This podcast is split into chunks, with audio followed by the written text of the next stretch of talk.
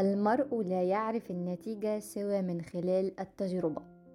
علشان أجرب أي حاجة في الدنيا محتاج يبقى عندي نوع من الهدوء اللي يخليني عايز وواضح في اللي أنا عايز أعمله وأجربه. في الحلقة اللي فاتت اتكلمنا عن الهدوء الهدوء اللي بيسبق التجربة. محتاجين قبل ما نجرب يكون عندنا أرض نفسية صلبة نقدر نقف عليها قبل ما ننزل أرض التجربة. ومن أهم التولز اللي هتساعدنا هي الحدود الحدود النفسية اللي هتكون بمثابة درع أمان لينا. جزء كبير من احترامك لنفسك هي حدودك. بدل ما تقعد تسأل نفسك ليه الناس بتأذيني رغم إن أنت وضحت ده وقلت إن الشيء الفلاني ده بيأذيك وهما ما زالوا بيعملوه بيستبيحوا أذيتك اسأل نفسك ليه أصلا أنا بقبل بده؟ وليه بسمح بالأذى ده ياخد حيز من حياتي ومن روحي؟ لازم تقبل بمكانتك واحترامك وتبقى عارف وراسم حدودك النفسية بوضوح وتقول إنك ما بتتقبلش إن حد يتعامل معاك بأقل مما تستحق. حدودك هي اللي هتحدد قيمتك واحترامك لذاتك وبالتالي هينعكس على الآخر وهيحترمك ويحترم حدودك. التنازل عن حدودك مرة معناه إنك هتتنازل تاني وتالت وعاشر. واوعى تتوقع إنك هتتقدر من الشخص اللي اتنازلت عن حدودك علشانه. هو أساسا مش شايف إن ده تنازل.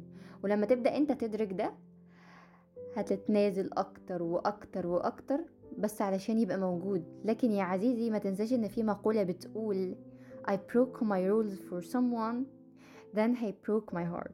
اتنزلت عن القواعد بتاعتي أو كسرت حدودي مرة علشان حد وبعد كده هو إيه؟ كسر قلبي. ده بالظبط اللي بيحصل. بمجرد ما بتكسر حدودك وتخالف وتتنازل هيمشي. كده كده هيمشي. ليه؟ لأن أنت أصلا ما احترمتش حدودك من البداية. وللأسف هو كمان مش هيحترم حدودك. هو مش هيحترم حد ما احترمش حدوده أصلا. إذا كنت أنت نفسك ما احترمتش ده لذاتك ولنفسك فهو هيحترمه؟ متتوقعش ده.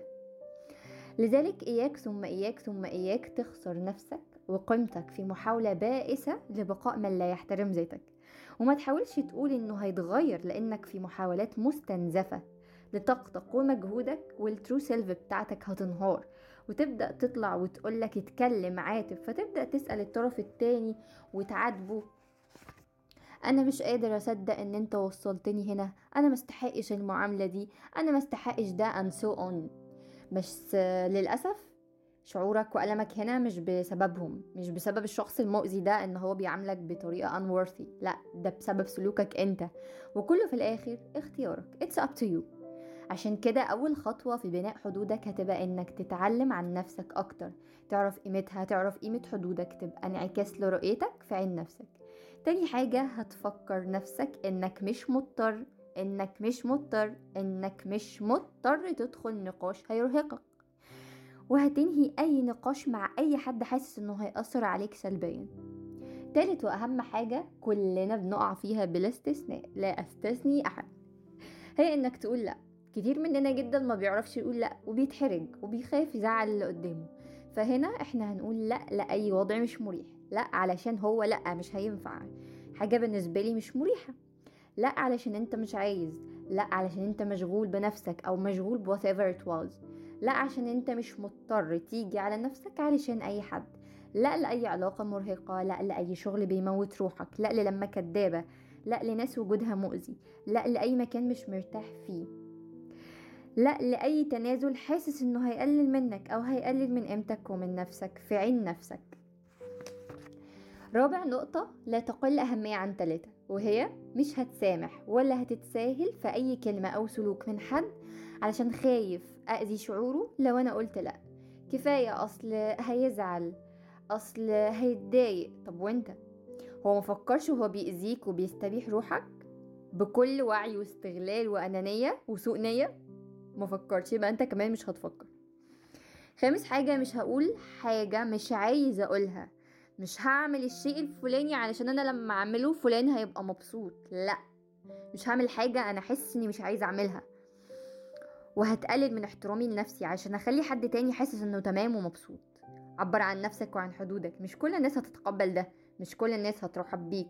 أنت لو ما عملتش كده وخفت فاهلا بيك في عالم التوهان والتخبط والصراعات النفسية. سيب اللي يمشي يمشي. لأن في كل مرة هتتنازل سقف حدودك هيفضل ينخفض لحد ما يبقى zero وأنت كمان هتبقى zero معاه. العلاقة هتكمل.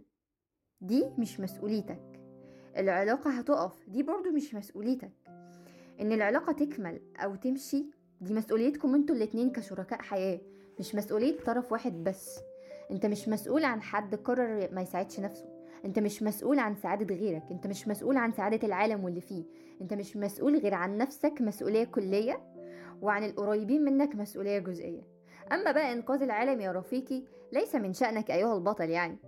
غامر في قصتك عشان أنت تبقى بطل حياتك. فخف على روحك كده وخلي بالك من نفسك لأنها أمانة. وافتكر. It's very easy to say no.